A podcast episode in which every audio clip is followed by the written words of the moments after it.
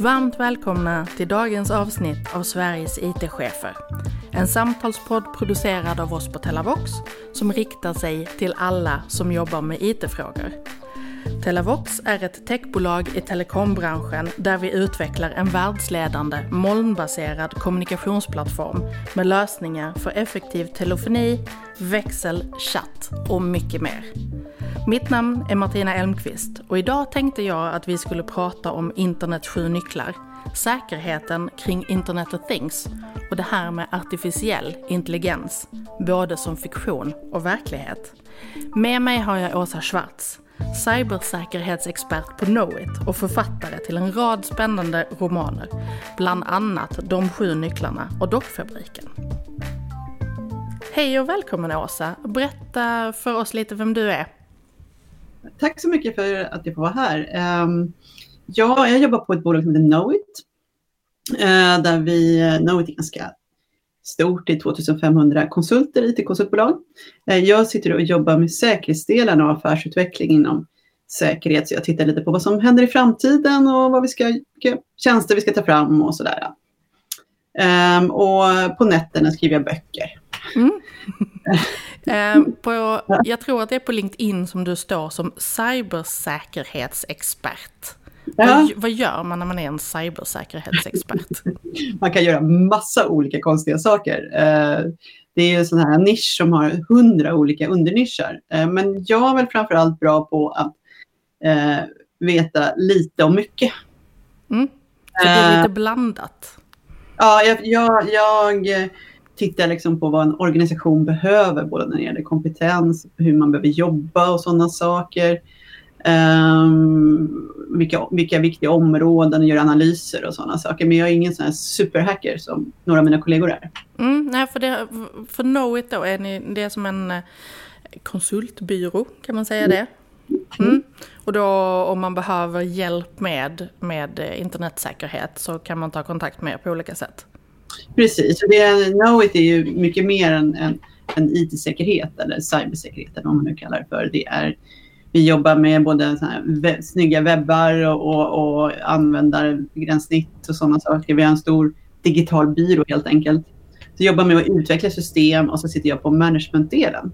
Mm, mm. Och där är vi ungefär, förutom alla andra då, så är vi 85 stycken som jobbar med säkerhet och juridik med, med ja, som har med IT att göra helt enkelt. Mm. Ja men det är lite extra spännande. Men, ja, och så på nätterna så, så författar du böcker. Och egentligen, det är ju egentligen så du och jag känner varandra från början, eller hur? Visst är det det.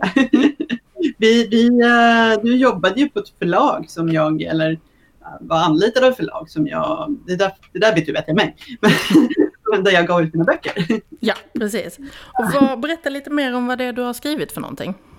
Eh, jag har hållit på att skriva ganska länge. Det är så en, jag firade precis 15 års jubileum faktiskt som författare. Jag hade oh. ingen aning. Mm. Min förläggare skickade lite bilder och sa, aha, titta här var 15 år sedan när vi läste en bok. Eh, från början var det lite blandat med lite så här övernaturligt och sådana saker. Men mina sista två böcker har legat ganska nära vad jag gör på dagarna. Eh, det första var en thriller som handlar om äh, cybersäkerhet. Liksom hur, hur, hur, hur sårbart vårt samhälle är när man tänker på IT och infrastruktur och hur beroende vi är av det. Mm. Eh, men det är ju Johannes bok som kallas De sju nycklarna. Eh, och nu det sista jag har skrivit tillsammans med, med en kompis som heter Lena Kalin är något som heter, en, en bok som heter Dockfabriken. Och det är en deckare man kan väl kalla det för, men där vi också ut, forskat lite artificiell intelligens och vad som händer. Kanske inte idag, men imorgon inom området. Mm, men jag tänkte vi skulle, vi skulle komma tillbaka lite till det. Men, men, ja. men temat för dagen är ju då internet och förutsättningarna för den ja. IT-verkligheten som vi känner idag. Eh, någon sa att eh, utan motorväg så finns det ingen trafik och lite så kanske man kan se internet som motorvägen. Um, och vi är helt integrerade med internet på så många sätt. Men uh, då finns det ju vissa säkerhetsmekanismer som kanske inte alla känner till. Och det är här de här sju nycklarna kommer in. Um, berätta lite vad det är för någonting. Ja, de, de sju nycklarna, eller om man, man kan väl säga att eh, boken, som de sju, de sju nycklarna som jag skrivit, är, är baserad på verkligheten i mycket. Men, men eh, de här sju nycklarna, de är egentligen sju plus sju plus sju nycklar, men det blir alldeles för komplicerat att prata om. Mm. Det är böcker, skönlitteratur. Så uh, vad det handlar om, det är sju fysiska nycklar faktiskt. Man tror ju att det är internet, så då är det inte fysiska nycklar. Men det finns uh, sju personer i världen som har fysiska nycklar på sig. Så mm. träffas de uh, en gång i kvartalet. och de här nycklarna går till ett, ett kassaskåp i ett högsäkerhets... Eh, eh alltså i IT-drift... Eh, vad ska man kalla det för? Ja, där, där man helt enkelt eh, har IT-drift. Och någonstans där nere i, finns det då ett antal eh, nycklar som går till ett kassaskåp. Och mm. de här nycklarna går inte till kassaskåpet, de går egentligen till sju olika fack i kassaskåpet väldigt eh, så många nivåer tänker jag att det är. Ja, precis. Så det, det är så här alltså man går in på värsta spionfilmen fast på riktigt. och de här används till att och verifiera. Eh, I de här kassaskåpen så finns det då digitala nycklar, rekryteringsnycklar och så, på så sätt kan man verifiera mm. eh, att internet, jag ska kanske inte säga att internet, hur in, att internet ska fungera, men att trafiken går till rätt adresser. Okay. För vad nycklarna används till är att, att uh, signera toppzonen, eller rotzonen. Och det, det innebär att, att uh, om du skickar, om man är en dator och så ska hitta någon i Sverige, .se mm. till exempel, så, så, så, så, vet man att det är rätt så att man inte hamnar någon som har fejkat Sverige. Om du förstår vad jag menar. Ja, men jag förstår, så att det är det liksom, .se är den verifierade adressen eller rotadressen så att säga då. Ja, så att det, är den som, det, det, är adresslistan som går till alla länder och toppzoner som .com eller Sverige eller Danmark eller något sånt där. Eh, det är som den liksom översta delen i adresskatalogen mm. helt enkelt. Mm. Ja men som en, som en telefonkatalog fast digital då. Mm. Då vet man att det är rätt telefonkatalog. Ja, ja men äh, fiffigt. Äh, och hur ofta, hur ofta sker det här att de gör den här checken då? En gång i kvartalet. Mm. Träffas de och eh, gör det här. Och då är det sju personer som är, är utvalda av, av eh, ja, internetcommunityt som folk som man verkligen litar på. Så att de, det handlar egentligen om att de kontrollerar att processen funkar och att de tycker att allting är okej. Ja, och då, då är det ju så, vet vi, att en av de här nyckelbärarna är eh, från Sverige. Ja. Men vem är, vem är den här personen? Det, det är en dam som heter Ann-Marie Eklund Levinder och är säkerhetschef på Internetstiftelsen. Mm. Mm. Och hon är en av de här, eh, man kan väl säga, nu är väl inte hon så mycket doldis längre för det har ju blivit ganska uppmärksammad, men man ska väl säga tidigare var väl en av, av Sveriges mest kända personer som vi själva inte visste om. Mm. Um, och hon är även med i något som kallas för Internet Hall of Fame som är som en av internets mest kända människor. Hon är också den enda kvinnliga nyckelbäraren jag vet om också. Mm. Okej, och du, hur, hur har de, de har då blivit utvalda av internetcommunityn, men vad, ja. vem, vem är de som gör det här urvalet egentligen? Vet man det? Uh, nej, men det är, det är uh, en organisation som jobbar med det här och, och sen så får man skicka in, uh, man, man, får skicka in så här, vad ska man säga, det är en sån verifieringsprocess. Så att man får skicka in att de här intyger att man är okej okay och liksom sådär. Och så mm. väljer de ut. Okej. Okay, okay. Jag kan inte detaljerna, eller uppriktigt kommer jag inte ihåg detaljerna. Nej, men jag tänker att det finns också en hel del saker som är hemliga här, såklart. Eh, Faktiskt inte. Uh, nej, de är öppna. Ja. Nej, det är hela, man tror ju att säkerhet ska vara hemligt. Mm. Men de mest säkra sakerna är de som är helt öppna och alla kan granska att det fungerar på ett bra sätt. Men det är faktiskt eh, en bra och lite spännande tanke för att ja, spontant så tänker man ju att det ska vara finnas en hemlighet. Men ja, som du säger, är det öppet och alla kan granska det så, så är det kanske säkrare. Ja, men det, för då kan ju alla titta på det. Är det här en bra process? Kan vi förbättra den? Och sådär. De här, eh, det enda som är hemligt är ju exakt liksom, vad det står på den här kryptonyckeln som ligger inne i, i, i uh, skåpet. Men jag menar, de, de här, de kallar det för, för nyckelceremonierna. De, mm. Det är sådana protokoll hur de ska göra för att signera rotzonen. Och de är sända på, på uh, nätet. Så man kan liksom gå in och kolla när de håller på där. Spännande. Alltså, och allt det här du berättar ju, det är ju, det är ju liksom verklighet. Och låt, ja. Men låter som en spänningsroman. Och det här, det här använde du när du skrev då de sju nycklarna. Precis. Och hur mycket i den boken har du baserat på fakta och hur mycket är fiktion? Jag skulle säga att liksom alla, alla delar i sig är baserade på fakta. Jag menar hur man hackar en bil eller en pacemaker och sådana saker. Eh, däremot så har just den här nyckelprocessen har jag förenklat lite. Mm. Eh, just för att det, man kan inte ha massa olika nycklar och folk som träffas. Och, alltså, det, det, blir lite effektivare om man säger att det är bara sju, även om det är sju plus sju plus sju.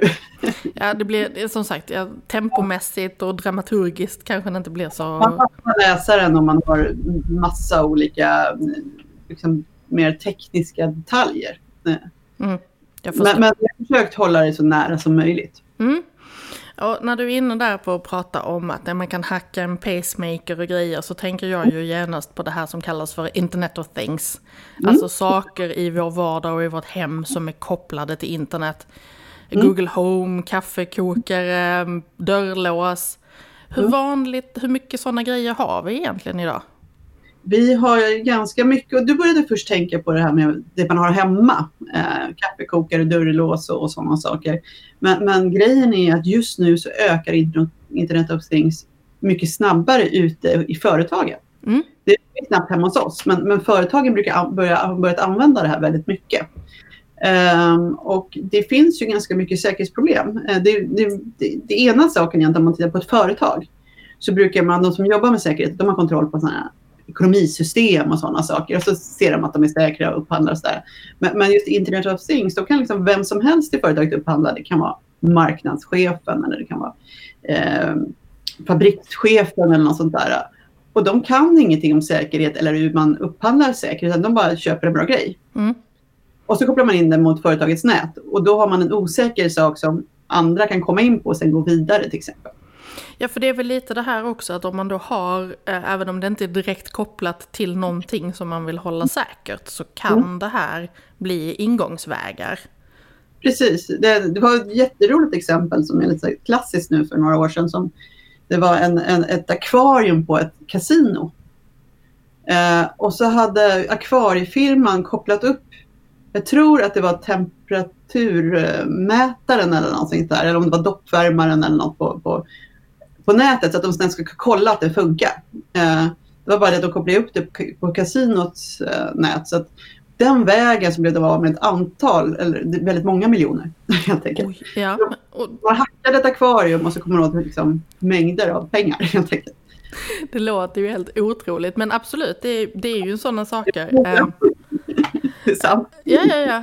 Vad, vad, vad, tänker du som ju jobbar med detta varje dag? Vad kan man göra för att öka säkerheten och minska risken för sådana här attacker? Vad, har du några tips på vad man ska tänka på? Ja, alltså det viktigaste är att man ska tänka. Okay. Mm. För ofta så gör man sådana här saker. Man kopplar upp någonting, det funkar och så går man därifrån och så funkar det och så plötsligt har det hänt någonting. Eh, utan man ska fundera liksom på, för att de här sakerna ska ju ha samma säkerhetskrav som om du skulle upphandla ett ekonomisystem eller någonting sånt där. Man måste titta på det och de är lite speciella för det är ofta är det inte så att det är ett administrativt system som man har kontroll på utan det kanske rent fysiskt är någon annanstans och folk kan komma åt det och sådär.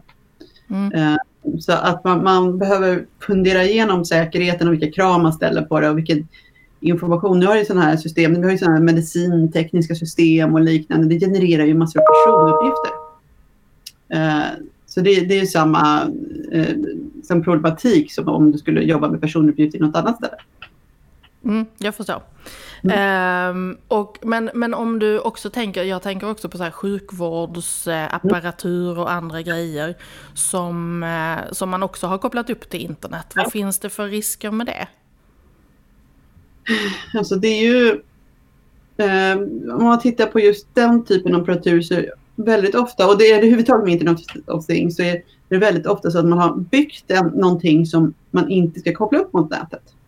Och så har man inte den typen av krav på, på att, att det ska vara, vara säkert på det sättet. Där man förutsätter att det finns liksom ett skyddat rum eller någonting sånt där. Och så plötsligt kopplar någon upp det på nätet nu. Och då finns inte de säkerhetsmekanismerna längre. Mm. Så jag skulle säga att all, man kan göra det mesta, i alla fall ganska säkert. För det hela beror på vem det är som försöker ta sig in, så här, vilken, vilken, vilken nivå det är. Men man kan göra det mesta väldigt bra. Eh, utan det är bara det att man måste göra det från början och rätt. Mm. Så det där med att tänka innan är det som är det, det viktigaste. Ja, och sen att följa upp också. Man har, jag ska inte gå igenom massa säkerhetskrav här, men om man har säkerhetskrav i början ska man sen se till regelbundet att det också, de följs. Mm. Eh, ofta kan man till en leverantör skicka iväg en lista, det här ska ni göra. Och så får man en produkt. Och så tror man att de har den säkerhetsnivån, men det händer ganska ofta att de inte har det.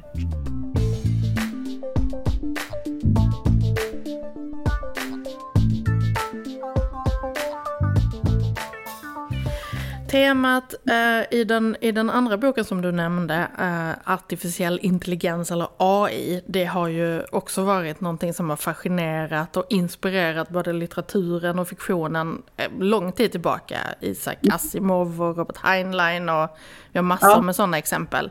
Eh, kanske för det är något skrämmande och lite kittlande och lite mm. mer så här nu i nutiden har vi ju sett tv-serier som Äkta människor och Black Mirror och så. Men hur ser mm. det här ut egentligen i verkligheten? Hur nära ligger fiktionen verkligheten? Ja, alltså det, man får nog eh, ta det på lite olika sätt. Eh, nu, man kan väl säga att just nu så börjar ju AI finnas på riktigt. Det har det ju inte funnits förut, utan det har mer funnits i teorin. Men nu har datorerna kommit ikapp också. också. Man behöver oftast väldigt mycket data för att kunna göra bra AI-saker. Det är först nu man börjar kunna samla så mycket data. Mm. Eh, så man skulle säga att förra året så började det komma liksom lite mer AI-nära applikationer. Nu är det så att nästan alla kallar allting för AI för det är lite hippt. Eh, men, men, man kan väl säga att saker som man skulle kunna kalla för AI börjar närma sig lite. Och då kan man ju titta på AI, det finns ju så här, man, man kan, man, man eh, kan, kan klassificera AI, till exempel narrow AI, alltså som smal AI. Och då är en maskin väldigt bra på att göra en sak.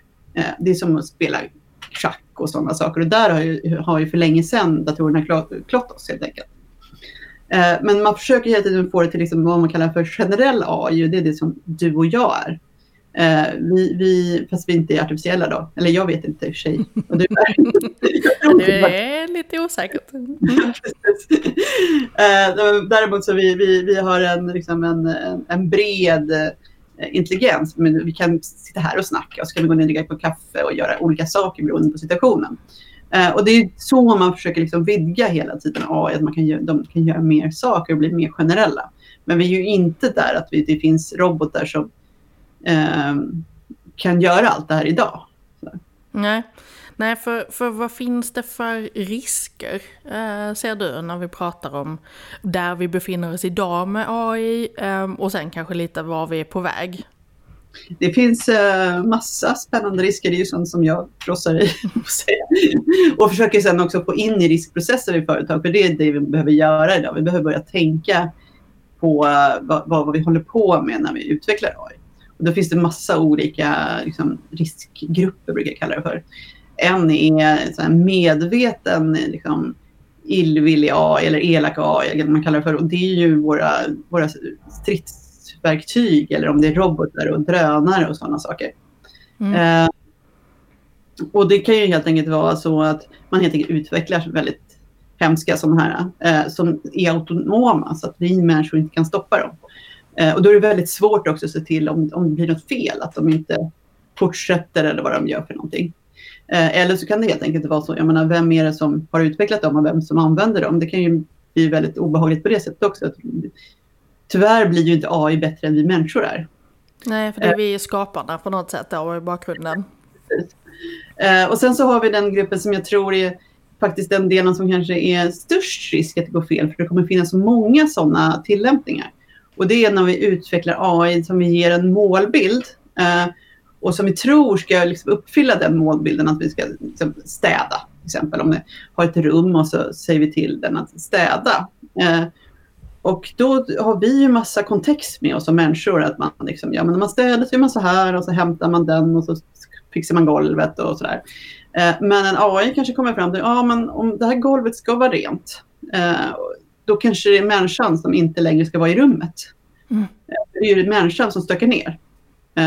Det, kan bli, och det här är ju det här är ett väldigt äh, sci-fi exempel. Då. Men, och, och är man lite dramatisk kan man ju titta, hitta på massa morbidiska, morbida saker runt det. Men, men om principen är att man ger ett uppdrag som tolkas på ett felaktigt sätt och löses på ett felaktigt sätt. Så där, där är det väldigt, väldigt viktigt då. Vi, man pratar ju mycket inom IT om, om kravspecifikation och här är det kanske liksom livsnödvändigt med kravspecifikation. Ja, ja precis. Och, och att en, en, man brukar prata inom AI har man ju tagit ett steg längre, att liksom ha en slags etisk definition om vad man får göra och inte göra som, som AI. Då, liksom. mm. ja, men... Det är ju liksom mer väldigt fast. Men det här är mer att man får rätt beslutsgrund på något sätt. Ja, men någon, någon sorts moraliska förhållningsregler. Men, men lite det temat utforskar ju du och Lena Karlin i, i Dockfabriken. Ja. Um, om ro, robotar och, och mänsklighet. Så berätta lite mer om det. Um, ja, um, där, vi har ju tittat...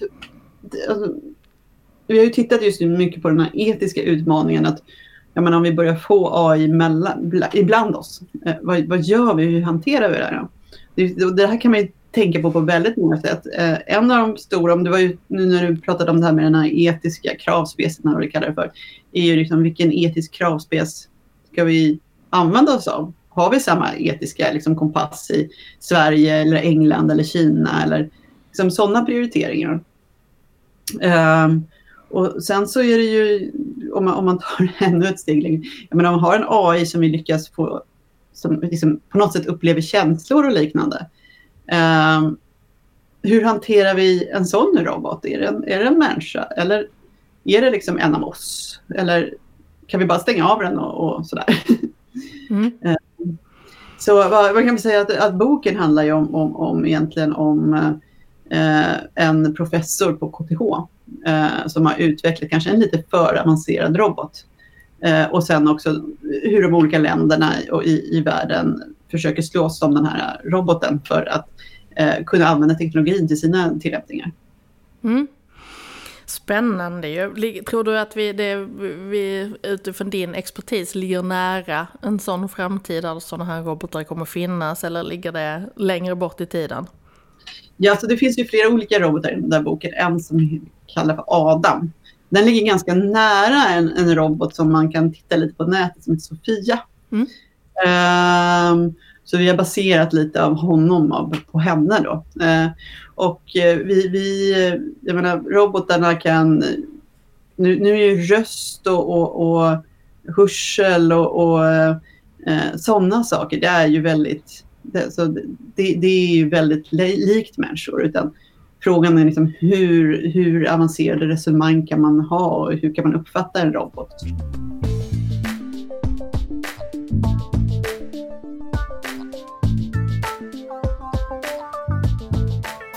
Superspännande. Vi hade kunnat prata flera timmar mer om det här. Men det har börjat bli dags att runda av lite. Och som sista fråga så vill jag passa på eh, att fråga dig, eh, som alla våra gäster, är det någon du skulle vilja passa bollen vidare till?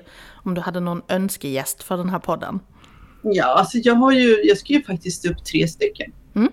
Får du eh, liksom ha det som tipsen. Jättebra. En är ju Ann-Marie Eklund Winder och det är ju nyckelbäraren som ni pratade om. Hon låter ju onekligen väldigt spännande att prata med. Ja. Hon är en av de coolaste kvinnorna jag känner. Mm.